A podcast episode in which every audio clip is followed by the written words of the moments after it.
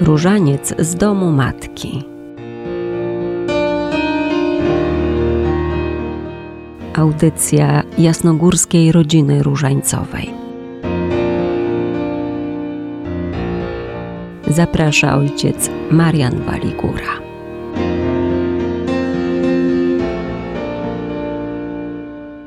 Bardzo serdecznie witam wszystkich słuchaczy. Witam pana Piotra Kandzie, który pomaga nam przygotowywać cotygodniowe rozważania. Również witam panią redaktor, która pomaga nam w przygotowaniu tych cotygodniowych audycji. Sobota to zawsze dzień szczególnej bliskości z Maryją. Ona czeka z nami na przyjście Jezusa. Patrzymy na jej życie, widzimy jak wszystko układa, by Jezusowi usłużyć sobą, sobą samą. Oczywiście w sposób naturalny czyni to jako matka, ale widzimy też, jak dyskretnie pokazuje, jak my mamy być dla Jezusa. Bo niestety wciąż wielu z nas myśli o Bogu jako o tym, który mnie ma coś dać, ma dla mnie coś uczynić. Więcej, my chcemy, żeby On czekał na nas, aż my łaskawie do Niego się zwrócimy. Brakuje nam nieraz tej postawy, właśnie, że ja jestem dla Ciebie, Panie. Biorąc do ręki różaniec, pamiętajmy, że dzisiaj, w dwa tysiące lat od przyjścia Pana, setki, miliony ludzi wciąż żyje tak, jakby Zbawiciel w ogóle nie przyszedł. Narażeni są na śmierć duchową przez trwanie w jakimś bezsensie. Łaska wiary to jest wielki dar.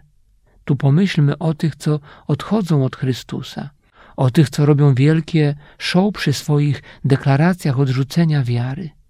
To boli, ale też daje nam mocny impuls, by zastanowić się nad sobą, nad tym, czy ja pogłębiam, czy ja rozwijam dar wiary, dar bliskości Boga.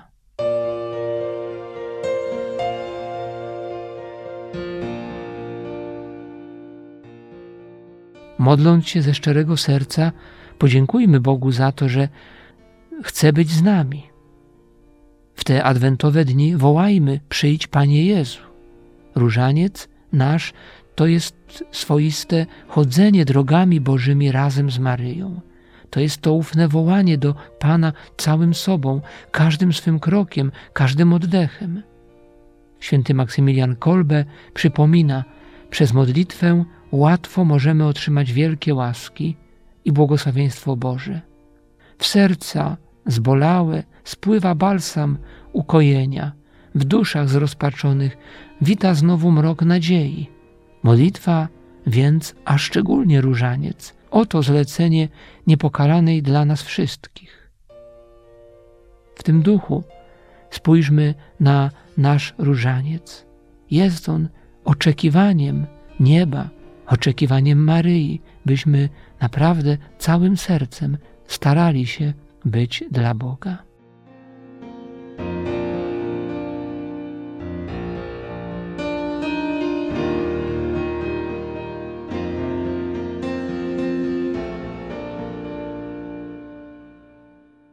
Jesteśmy już bardzo blisko upragnionych świąt Bożego Narodzenia. Świąt, które przynoszą nam jak zawsze nadzieję, nadzieję dla nas na przemianę naszych serc, naszych bliźnich i w naszej ojczyźnie. Dają też nadzieję na ustanie sporów, waśni i na wiele spraw, a przede wszystkim dają nam nadzieję na pokój. Bo święta to czas, w którym my o ten pokój szczególnie prosimy, a pokój przychodzi z nieba wraz z narodzonym Chrystusem. Święty czas, w którym modlitwa różańcowa nabiera szczególnego blasku, a niebo schodzi na udręczoną ziemię. Tak napisano kiedyś na starym kościółku gdzieś daleko w górach. Zaglądam w tym czasie do panewnickiej bazyliki w Katowicach, gdzie dobiegają końca prace konstrukcyjne nad bożonarodzeniową szopką zresztą jak w całej ojczyźnie. Szopka ta panewnicka wymaga wyjątkowo dużo pracy i staranności, gdyż jest dość duża, zajmuje całkowicie główny ołtarz aż do sklepienia gdzieś w granicach 20-30 metrów. Jest podobno jedną z największych w Polsce. Jednakże nie to jest najważniejsze.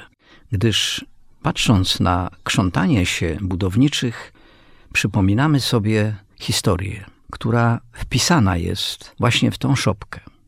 Jest związana z wieloletnim jej twórcą i konstruktorem, panem Franciszkiem Falkusem, który służył tutaj Kościołowi i Bogu nieprzerwanie przez 53 lata. Kim był?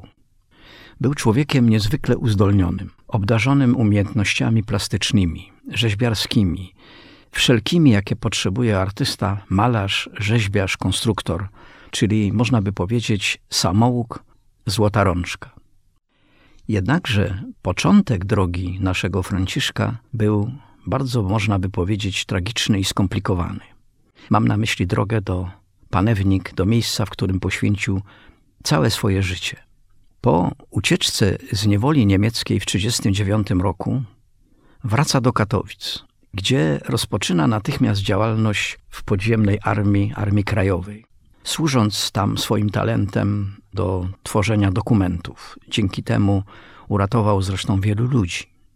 Aresztowany przez gestapo zostaje skazany i osadzony w obozie w Bernau-Rotau pod Alpami, gdzie ciężko pracuje i właściwie jest już w pewnym momencie całkowicie wycieńczony i wtedy składa przyrzeczenie Bogu, że gdy przeżyje, będzie służył Kościołowi do końca swoich dni.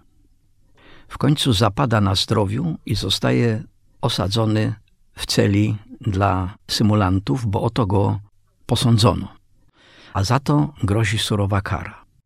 Jednakże przechodzący lekarz, oficer niemiecki, postanawia go badać i stwierdza, że rzeczywiście Franciszek jest chory i umieszcza go w szpitalu. W czasie odwiedzin widzi krzyżyk na jego szyi i pyta się skąd go ma. Franciszek odpowiada, że wyrzeźbił go sam osobiście. Wtedy ten oficer prosi o podarowanie tego krzyżyka. Również więźniowie w tym czasie modlą się za niego na różańcach, które on wykonywał nocami dla całego obozu. Bo nie wspomniałem o tym wcześniej, że był, można by mówić dzisiejszym językiem, fanem tej modlitwy. Po wyleczeniu w szpitalu, dzięki temu oficerowi, zostaje przeniesiony do lżejszej pracy, gdzie doczekał się wyzwolenia przez Amerykanów. Wraca natychmiast do Polski. Melduje się w Bazylice i tam przez 53 lata równolegle do swojej pracy zawodowej służy Kościołowi. Myślę, że jest tu też dla nas pewne przesłanie. Przesłanie, które uczy nas, że każdy z nas mógłby na miarę swoich umiejętności złożyć dar ze swojej służby, ofiarować coś Jezusowi. I tak pomyślałem, gdy staniemy niedługo przed żłóbkiem, przed nowonarodzonym Chrystusem, staniemy nie tylko my, staną tysiące ludzi, czy współczesny człowiek umiałby powiedzieć: Panie Jezu, będę Ci służył przez całe życie, do końca moich dni. Czy potrafimy to zobaczyć w dzisiejszych czasach? Przez mylące kolory i zgiełk przygotowań do świąt, tego całego szaleństwa, które co roku nas wręcz obezwładnia i chociaż nam się to podoba, ono zatraca w pewnym momencie cały sens nadchodzących świąt. Bo wtedy zapominamy, przed kim zamierzamy stanąć, dokąd prowadzi nasza droga. Czy zobaczymy w dziedzinie maleńkiej króla? Czy zrozumiemy, że ta tradycja ma przecież głęboki sens i zarazem przesłanie? Czy w pokorze, jeszcze raz mówiąc, będziemy umieli naszych darach, które pragniemy złożyć Chrystusowi, powiedzieć Mu te słowa, które wymieniał bohater naszej opowieści o szopce bożonarodzeniowej. Czy będę umiał powiedzieć, Panie Jezu, chcę Ci służyć, tak jak umiem. Mam różne talenty, może one nie są jakieś wielkie, ale one wszystkie należą do Ciebie, są przecież Twoją własnością. To Ty mi je dałeś. Dlatego muszę umieć je oddać. I ta decyzja należy do nas. Czy teraz i tutaj z radością będziemy umieli tak ułożyć sobie nasze życie? Czy uzgodnimy ze Stwórcą tak naszą drogę?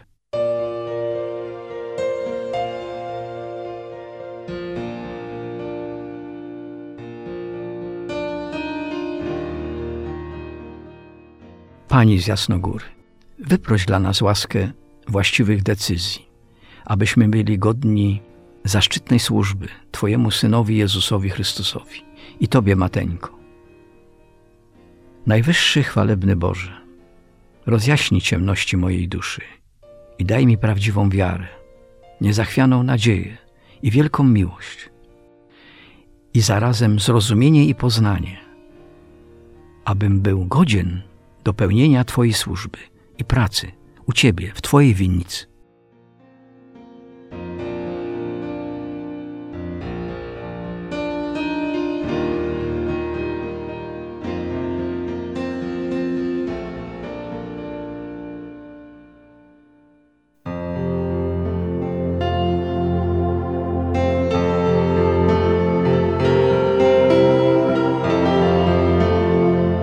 Różańcowe świadectwa. Dla mnie modlitwa różańcowa to jest takim właśnie wyciszeniem i że ja, którą wykonuję pracę, też opiekuję się wnukami, jestem taka związana z ich życiem, przeżywam ich troski i radości.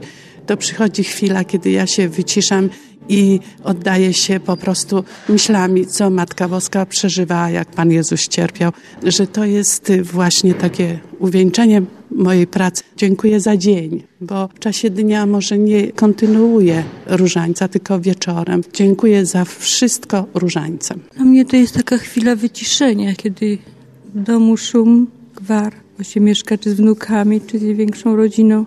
I takie chwile tylko dla mnie. Tak mogę przez przekładanie tych koralików, paziorków różańca, mogę się wyciszyć. I takie dla mnie to jest uspokojenie. Uważam, że to jest bardzo potrzebne każdemu człowiekowi. Różaniec z domu matki. Audycja jasnogórskiej rodziny różańcowej. Bardzo serdecznie dziękuję wszystkim słuchaczom za udział w dzisiejszej audycji, za obecność przy naszych odbiornikach, za wysłuchanie tych rozważań. Przede wszystkim zapraszam do modlitwy na różańcu, do trwania na tej modlitwie, która pomaga innym, ale też jest jakimś darem dla nas samych. My przez nią otwieramy się, wyczulamy nasze wnętrze na Pana samego. Dziękuję Panu Piotrowi, e, który jest z nami w studio i zapraszam wszystkich do następnej audycji już niedługo, bo 24 grudnia, w Wigilię Bożego Narodzenia. Zapraszam też do kontaktu z naszą wspólnotą Jasnogórskiej Rodziny Różańcowej nasza strona jrr.jasnagora.pl, ale też zapraszam do naszego sekretariatu, który jest na Jasnej Górze, blisko też od siedziby Radia Jasna Góra. Bóg zapłać serdecznie wszystkim za dzisiejsze spotkanie, wysłuchanie naszej audycji. Szczęść Boże.